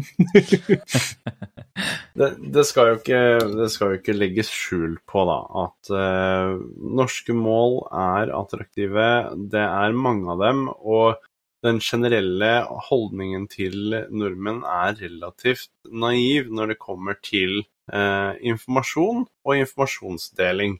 Det, selv der jeg jobber, eh, er det nødvendig å kontinuerlig minne folk på hva de ikke skal poste på sosiale medier, eh, hvordan de skal eh, posisjonere seg i forhold til fotografier, eh, hva de skal ha med seg til spesifikke lokasjoner. Altså det fins mange ting her da, som man ikke tenker på naturlig. Eh, og som jeg tror veldig mange i, i Norge i utgangspunktet tenker ja, men det handler ikke om Det rammer ikke meg. Jeg er ikke viktig. Det er for mye av den holdningen. Uh, nå skal det sies at uh, det er faktisk bare en uke siden kanskje uh, jeg sist hadde en diskusjon rundt dette her med bruk av f.eks. GitHub. Jeg utvikler en del verktøy mm. det, for å kunne gjøre jobben min, men jeg kan ikke poste dem på GitHub. Og da, når jeg legger fram sånne ting som det, så folk, begynner folk å lure men hvorfor kan du ikke gjøre det? Jo, enkelt og greit, hvis jeg legger ut en hel rekke med verktøy som jeg jobber med i jobben, i jobben min på min private GitHub, så er det mulig for noen å skape en profil på hva jeg jobber med. Da kan de forstå teknologien jeg ser etter, hva slags sårbarheter jeg jobber med. De kan forstå hvor jeg jobber hen, ut ifra hva slags verktøy jeg legger ut, til tross for at jeg prøver å minimere eh, hva slags fotavtrykk jeg har på nettet til enhver tid. Jeg skal ikke si det at jeg er perfekt, det er jeg absolutt ikke. Det finnes sikkert masse rart om meg der ute, men i det minste så prøver jeg da å minimere det eh, avtrykket som handler om mitt arbeid, nettopp for å slippe å være en av disse risikofaktorene. Og Det tror jeg veldig mange i Norge glemmer å gjøre til enhver tid når de jobber, for de tenker at men, det spiller ikke så stor rolle, det er ikke så farlig. Men så, hvis man begynner å forstå litt, sånn som du snakka om eh, Vetle, i forhold til Nord-Korea De er flinke på å, psykologiske profiler, de er flinke på eh, å gjøre mer enn én ting av gangen. Og det glemmer vi ofte, og da blir vi i mål. Det, det, må vi bli bedre på, helt enkelt. Jeg tror ikke faktisk jeg forstår at type, bare, bare, det at du legger ut en PDF uh, på nett, røper hva versjon av Adobe du kjører. Og hva versjon Adobe du kjører, eh, altså Adobe Reader, da, eh, eller Acrobat eller whatever. Veldig ofte også samme account-name i domenet. Eh, ja. Er, og det, det, forteller noe om hva, hva versjon resten av selskapet kjører òg. Hvis du legger ut én med den reader-versjonen der, og noen legger ut eh, eh noe annet med samme reader-versjon, noen andre legger ut noe med samme reader-versjon sånn alt det, alt sånn informasjon bygger seg opp til å bli, eh, bli nyttig da, for en angriper. Eh, det, det, er ikke sånn at ja, det ene dokumentet, den ene tingen, gjør det, men alt til sammen gjør det. Og ikke minst hvis alle andre har samme versjon, men du er den personen som legger ut med en eldre versjon. Mm, det. Det betyr det også at i tillegg, det er ikke bare det at angriperen vet hva organisasjonen har, men de kan også spotte hvem det er som ikke følger reglene til, eh, til selskapet. Så, mm. så, der fins det jo, det finnes jo masse, det finnes masse informasjon å hente ut, som du sier. og Det er akkurat sånne ting som jeg tror at vi trenger å være bedre på, vi som jobber med informasjonssikkerhet og datasikkerhet eh, eh, generelt vi må også være flinkere på å beskrive og forklare situasjonene. Eh, for jeg tror det er veldig mange som sitter der ute og tenker at men jeg bruker jo passord, jeg bruker 2FA, det er liksom, da er jeg safe. Det betyr ikke nødvendigvis det, for det finnes veldig mange måter å nå et mål på. og det Jeg vet ikke, det er døde setningen, men jeg var liksom ikke sikker på hvor, lang, hvor mye lenger jeg kunne dra det her. Jeg kan snakke om det her i 20 timer, og så kommer det til å skyte meg etterpå. Ville aldri gjort. Jeg syns det var veldig bra. Uh, og det, jeg syns det er interessant å høre det fra, fra, din side av bordet, fordi, altså med det du jobber med. Fordi sånn som meg og Melvin og, og Vetle er liksom Hos oss er tools og github og sånn, det er en helt vanlig del av det man gjør, og det legges ut, og ofte så er det litt sånn for the lulls, da, og man deler ting og sprer ting uh, bare fordi vi kan, og fordi det er fett å få creds for nye ting man putter ut og sånn, men uh, i din posisjon og lignende liksom, etater og organer, så kan en fuckup der være snakk om nasjonal sikkerhet, da, ikke sant? Ja, og... Ikke bare en liten API-key til et konsulentselskap, men uh... Ja, for du kan være kjempeflink på å la være å dele API-er og API-nøkler og alt sånt noe, men bare det faktum at du deler mm. verktøy som går mot spesifikke tjenester eller leverandører eller sånt noe i en helhet, skaper i seg selv en profil av plassen du jobber på. Mm, absolutt. absolutt. Det er et veldig interessant tema. Er... Altså, jeg personlig har blitt helt Jeg elsker alt som er av open source uh, intelligence. OSINT har blitt en, uh, blitt en kjærlighet i, i hverdagen. har blitt. Har det ikke alltid vært det, så lenge jeg har kjent deg, i hvert fall. Jo da. Eh, jeg, når jeg sier 'har blitt', det så er det, en, det er en kjærlighet som starta for ganske mange år siden. jeg, jeg, tror det var på det tidspunktet hvor jeg innså det at jeg kunne snakke meg til informasjon som jeg egentlig ikke skulle ha. Det var da den kjærligheten oppsto for første gang. Eh, og så har den bare blitt sterkere med årene. Apropos det med brukernavn i, uh, i dokumenter og sånn, Melvin, som du sa med domener, så fant jeg uh, Vi hadde en presentasjon for en kunde, uh, en, en, veldig interessant kunde, for han stor kunde innenfor sikkerhet med et veldig spesifikt produkt som leveres til et produkt så å si alle har. Jeg kan ikke si noe mer enn det, for det er så sjukt spesifikt. Men alle her har noe som har type en, en, komponent levert av dette selskapet på et av sine produkter. Uh, som er hypersensitivt, og sikkerheten rundt det. Og vi klarte å da enumerate via LinkedIn OSINT og uh, metadata i PDF-er og DocX som lå ute på nettsiden deres. Helt fint da finne deres ellers relativt godt skjulte uh, brukernavnstandard og, og FQDN, altså Fully Qualified Domain Name, på interndomenet deres, som var forskjellig fra uh, deres eksterne domene, altså liksom .com-domenet. Uh, og det var de da mildt sagt uh, litt ja, uberoliget over, fordi de hadde virkelig Altså, de gikk til oss og sa liksom sånn Hei, vi har hypersensitive ting, men vi mener selv vi har et veldig lite eksternt footprint, og vi er veldig nysgjerrig på å se hva dere kan finne på det tut og kjør, liksom. Um, og da er det snakk om, og jeg kan ikke heller nevne hvor de holder til, men liksom måten de hadde løst uh, lokaliseringen sin uh, i asiatiske land, var å ha uh, kontorer i businessavdelingen til det respektive landets ambassade i disse forskjellige landene. Og da i tillegg er det sånn Ok, nå har vi basically fått tilgang til dere som igjen har kontorer på ambassader rundt omkring i forskjellige land. Eh, her må dere nesten se på liksom følgene av, av, det. Og ja, nei, det var en interessant case av breach bare via, eller potensiell breach via bare eh, metadata i dokumenter, liksom. Så definitivt et viktig poeng. En annen ting som er skitten her, er uh, det er så mye som ligger ute. Du skulle bare visst. altså kun, først, Den første kunne jeg jobba på i Trustosec, hadde en åpen dev-share i AVS. Der noen hadde lasta opp et Excel-ark med alle e-postkontene og hele selskapet og telefonnummer og sånt, ikke sant? Ja, ikke sant? For dem, det virker ikke sensitivt. For meg, ok, da vet jeg akkurat hvilke e-poster som er gyldig på det tidspunktet, jeg vet hva jeg skal begynne etterpasset mot. Mm -hmm. Så det er eh, ja, det er kjempeskummelt. Og det er jo der alle quote unquote angrep typisk begynner, da. Fra utsiden. Så hvor mye informasjon du eksponerer, hvorvidt det er sensitivt eller ikke, det er eh, kritisk på veldig mange måter. Og så sier det oss som, eller meg som en angriper, veldig mye om Ok, hvis det ligger der ute Hvis liksom utviklerne har en test eh, Altså et test-subdomene på, uh, på target.com-siden sin, liksom, og så Ok, du prøver dev, du prøver etc., etc., finner ting, så begynner du å finne sånne type ting. Det forteller meg veldig mye om resten av sikkerhetshygienen og hvordan de tenker internt. Da. Og da det er veldig fort sånn du havner på en liste hos folk som driver og sprayer eller kjører masscan på nettet, liksom. Uh, hvis du da dukker opp som en green result uh, der så blir du lasta over i Notepad, og så fortsetter de å titte på deg, og så finner de andre ting, og da ja, tut og kjør. All right. Da var vi ferdig med Utenriksdepartementet. Å, det er ikke UDS. UDS. Nå skjønte jeg.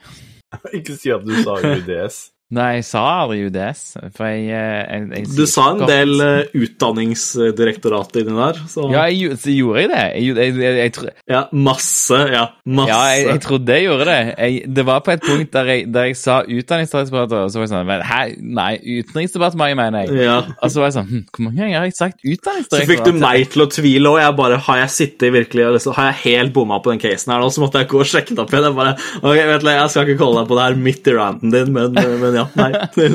Åh, dette må nesten tas med, sånn at eh, ja. jeg, jeg, eh, jeg, høres ut som jeg har ATP og ut, Utdanningsdirektoratet og Nei, Melvin, neste sak eh, er din. Nei, jeg vil gjerne snakke om denne eh, saken som jeg så på Twitter, som er posta av Apple Insider, som eh, skriver, and I quote First Apple Silicon M1 malware discovered in the wild. Wrong! Feil! Så eh, de refererer da til at der, eh, det er et malware der ute som kjører natively på Apple sine nye laptoper og Mac Minier, eh, som da kjører sin egen M1-prosessor. Eh, og det som ikke blir nevnt her, er jo at M1 er jo egentlig bare en prosessor som kjører på ARM-arkitekturen. Noe som mobilene våre og tablettene våre har kjørt på i årevis og som alle kids og deres kompiser har skrevet shitty Java-rats i siden krigen. Eh, så det er ikke noe nytt, er det jeg prøver å si, da. Men det blir så klart fronta som noe nytt, og også noe superfarlig, og det er det ikke. Eller det er jo det, men altså, det, det er ikke noe nytt, i hvert fall. Det er liksom ikke, de, de drar det opp som 'Å, nei, Uh, Apple M1 kan få virus. Alltid kunne fått virus. Ikke jeg, noe jeg, jeg, vil jo komme til Apple Insiders uh, forsvar her og si at uh, dette handler jo mer om at det er et Mako, eh, altså binary-typen. Windows har uh, PE, Linux har ELF, uh, Mac har Mako. Dette er jo en compiled Mako binary med Apple Silicon uh, Slice i den. Uh, Kanskje du bare skal snakke om den topicen her eller meg? Bare det, er nok, det, er, det er jo det de mener, da. At, at dette, dette, dette, er malware som er native. Det er, det er native Mako binary for Apple Apple Silicon, som de kaller det. Apple har sin egen variant, som alle har, av ARM. Uh, mens, men Apple er bare ute, og, og, og de mener at det, Apple Silicon er noe eget. Det, det, er like mye en variant av ARM som alle andre, som Qual, Qualcomm sin egen variant av ARM. og som, Det er bare Intel altså gjelder balletak rundt sitt egen instruksjonssett. Og så har Qualcomm, Qualcomm, når de bruker ARM, så bruker ikke de ARM likt sånn som de andre som produserer ARM-prosessorer, bruker det. Sant? Hvis Intel produserer en ARM-prosessor, så har ikke de nøyaktig det samme instruksjonssettet som Qualcomm bruker. Fordi at ARM funker ikke på samme måte som Intel-instruksjonssettet gjør. Da. Nå ble det forvirrende når jeg nevner Intel eh, på to forskjellige måter her, men uh, men, jeg, eh, jeg, blir litt nysgjerrig når du, når du sier det her, eh, Vetle. Det her er noe jeg sånn, definitivt ikke har veldig sterk innsikt i. Men uh, ARM er jo uh, en derivative av, av RISK-arkitekturen. Og den er jo Nå må jeg lete det opp her. Den er jo svarten meg nesten like, gammel, nesten like gammel som det jeg er. Men uh, ja. Ja. hvor Altså, og, og, som du sier, da, at det, dette her er jo arkitektur som vi kjører på alt mulig rart nå. Det var jo egentlig Melvin som sa det. Uh, hvor, hvor, vanskelig er det å modifisere den malwaren som nå da er snakk om, til M1, til andre ARM-arkitekturer? og hva, hva, betyr det her for malware mot ARM, ARM generelt? Uh, malware er jo OS-spesifikk, så Windows malware kjører jo ikke på Mac eller Linux, med mindre du bruker Wine. Kjører jo noe Wine som regel. Men uh, så, så, har det jo Windows, Windows er jo noe helt eget.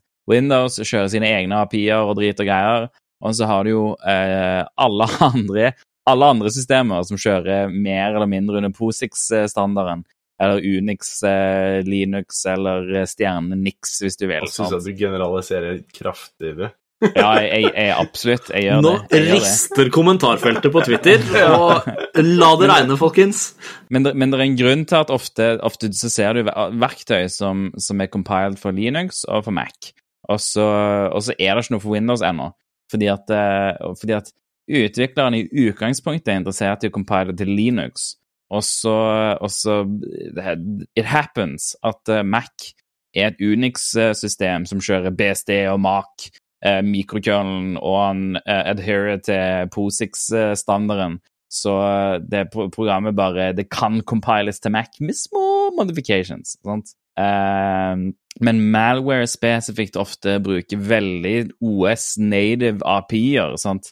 Det bruker uh, file manager-API-ene for å finne filer. Sant? Hvis det er ransomware, da, sant? så bruker de gjerne API-et til, til Mac som heter Foundation, og, og, bare gå gjennom det. Og det bruker NS File Manager, som er veldig spesifikt til Mac, for å finne filer. Og så bruker det Crypto Libraries, som er native til Mac. sant? Det er jo alle disse greiene her. Så, og dette er ikke noe dette er ikke noe man ikke kunne gjort med Mac-en. De nye M1-Mac-ene de emulerer jo Intel, så alt, alt av malware som har eksistert for tidligere Mac-er, eksisterer jo nå Har jo òg eksistert for disse nye M1-Mac-ene. Uh, så lenge så lenge du har liksom installert det Intel emuleringsrammeverket eh, som du er nødt til å installere for å i det hele tatt bruke uh, Electron-apper, blant annet. Du kan ikke bruke Discord, Slack eller Teams eller Messenger eller noen ting. Jeg skulle til å si det. Tror, tror ja. du han beita meg inn i topicen bare for å kjøre den her, eller tror du det var tror du det var det det var? Melvin, kan ikke du ta den arm-greia bare sånn liksom Nei, vet du, nå skal jeg sette bordet riktig, liksom. Jeg må flekse litt med min uh, Mac-kunnskap at some point. jeg hørte bare Elektron, jeg, ut av Vetle sin Ja, det var det.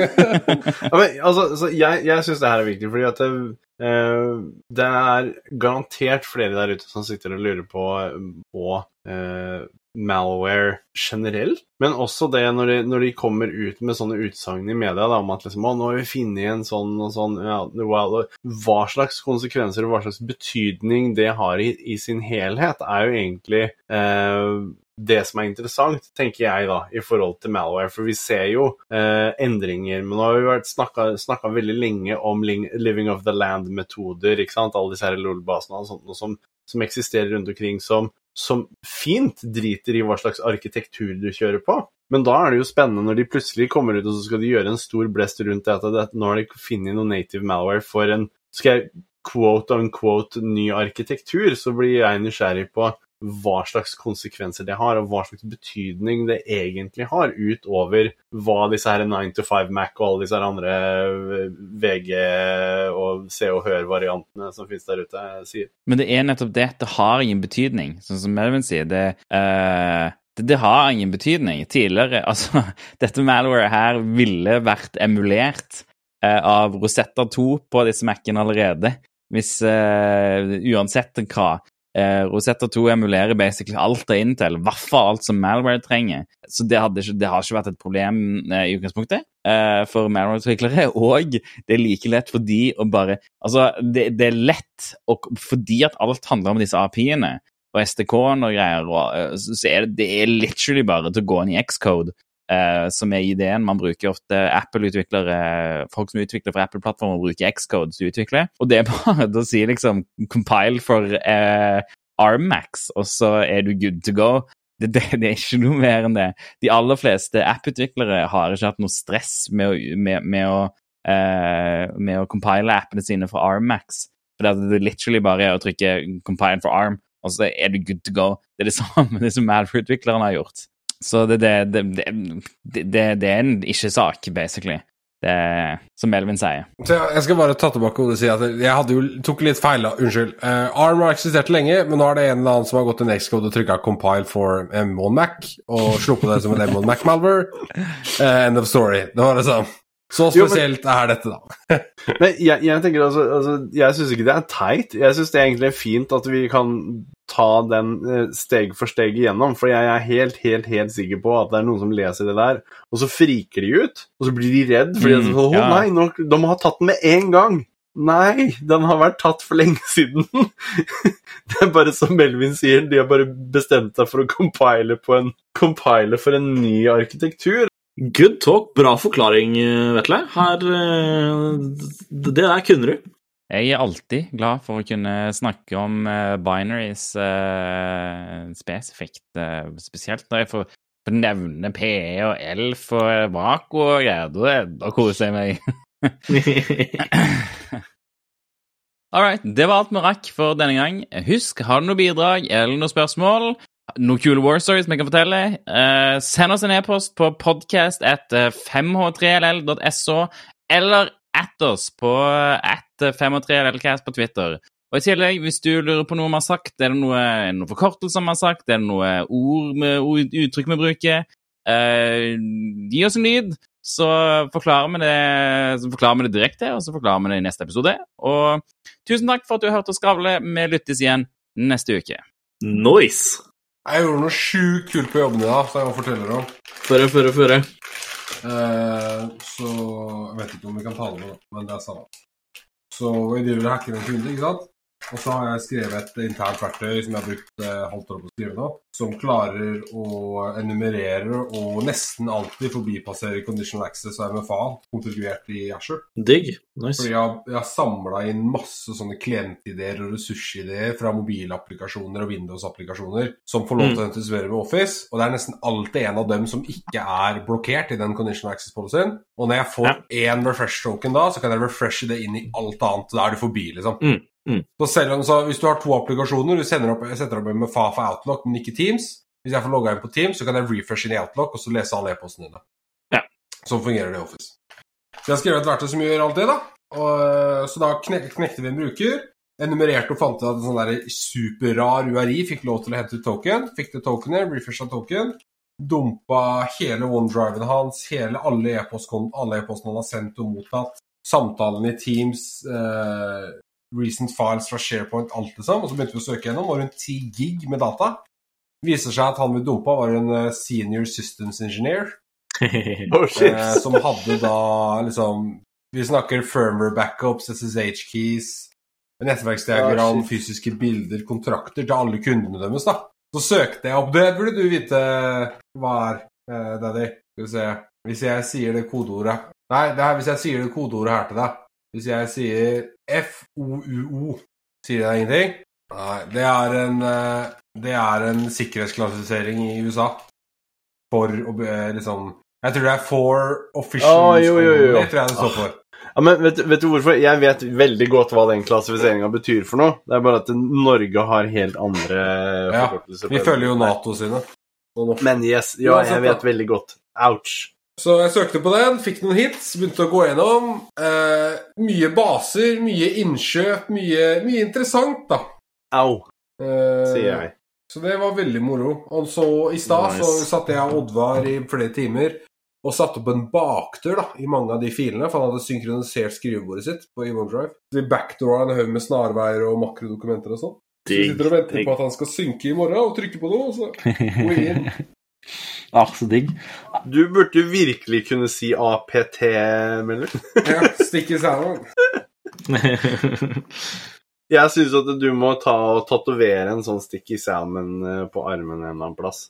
Hadde dama latt meg ta tattis. Det jeg skal ta, er den der RFID-greiene dere har. ja, nice. Det, jeg, det har jeg tenkt å gjøre, og en sånn eh, lofi og high-fi Variant igjen i hver hånd, tenkte jeg. Dra en sånn deviant. Men det toolet, Melvin, hørtes jævlig fett ut. Er det, er det litt sånn samme som MFA-sweep gjør, når du sjekker uh, conditional policies? Nei.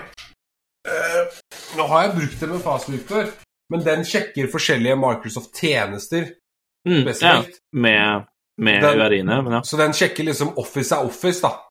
Men så sjekker den kanskje AVS, eller ikke AVS, OVA eller noen andre Ja. Den her sjekker ressurser innenfor Office-stacken, da. Nice, ok. Det er masse sånn som Ja, det er liksom jeg har, jeg har vært gjennom så mye applikasjoner og mobilapplikasjoner og bare henta disse klient-ID-ene, som er GUID-er, som Mm, Microsoft kjenner igjen, og som klassifiserer innenfor ulike condition access. Så det er jo eh, Ja. Nei, det er, jeg tror ikke den kommer til å slippe det med det første, for det er liksom Nei, det er noe man burde sitte på, definitivt. ja, Til nå så har vi ikke hatt en eneste kunde som ikke har hatt en eller annen conditional access policy fuck Ja. For det er så lite informasjon på det, det er så lite verktøy for det, det er så lite Mm. Ikke sant? Nei, det er en sånn ting de er bare bound til å sette opp feil, Ikke på en eller annen måte. Eh, Eh, Eller de setter opp helt riktig for sitt miljø, men så altså, glemmer noen ting, eller vet ikke at denne tjenesten bruker det, eller altså Sånn som den kunden vi har nå med, som ikke altså, ikke, ikke forsto det at uh, du må sikre creds riktig på OVA-serveren din, hvis ikke så lagres alle i klartekst. Altså liksom sånn ja, Jeg har ikke sett noen som har hatt et lengre ansikt, liksom. Altså, nei, de, bare sånn "F, Det der eh, visste vi ikke, liksom. Altså Men men hvordan? Hvordan skal man vite det? Ja, ikke sant? Ja, det var jo det jeg sa. Jeg var sånn How, how could you know? Rett og slett. Men det er derfor man gjør sånne tester, da, ikke sant? Ja, ja, ja. Ikke sant? Hvordan, er fordi at Man kan ha så gode intensjoner man bare vil, men hvis du ikke har noen som kommer inn og tester det, og liksom gjør en sånn test på den måten, så, Mm. så er det nesten vanskelig å finne ut av. Ikke sant? Og i hvert fall på så, så avanserte ting der, altså Melvin sin eksempel er liksom sånn altså Ja, det How the fuck would you know, rett og slett. Uh, det er liksom, det står ikke noe dokumentert. Det er, sånn, det er så rart. sånn som Hvis du logger inn på Teams, så spør Microsoft en gang, og så plutselig så bare begynner han å refreshe tokens herfra til helvete. Det er liksom, mm. Plutselig har du tilgang til Outlook og OneDriver SharePoint, og det er Legacy Skype Det er liksom det er ja, alt altså. Det er nesten åpenbart at Microsoft nesten ikke har kontroll på det selv. At de bare lager nye ressurser hver gang en dev trenger et API, liksom. Ja, de, fucking, ingen av disse selskapene har noe kontroll. De er altfor store, og så kaster de vekk alle som har peiling. De har jo et, de, de har et svært ageism-problem. Literally det. Der de bare kaster bort folk som har peiling.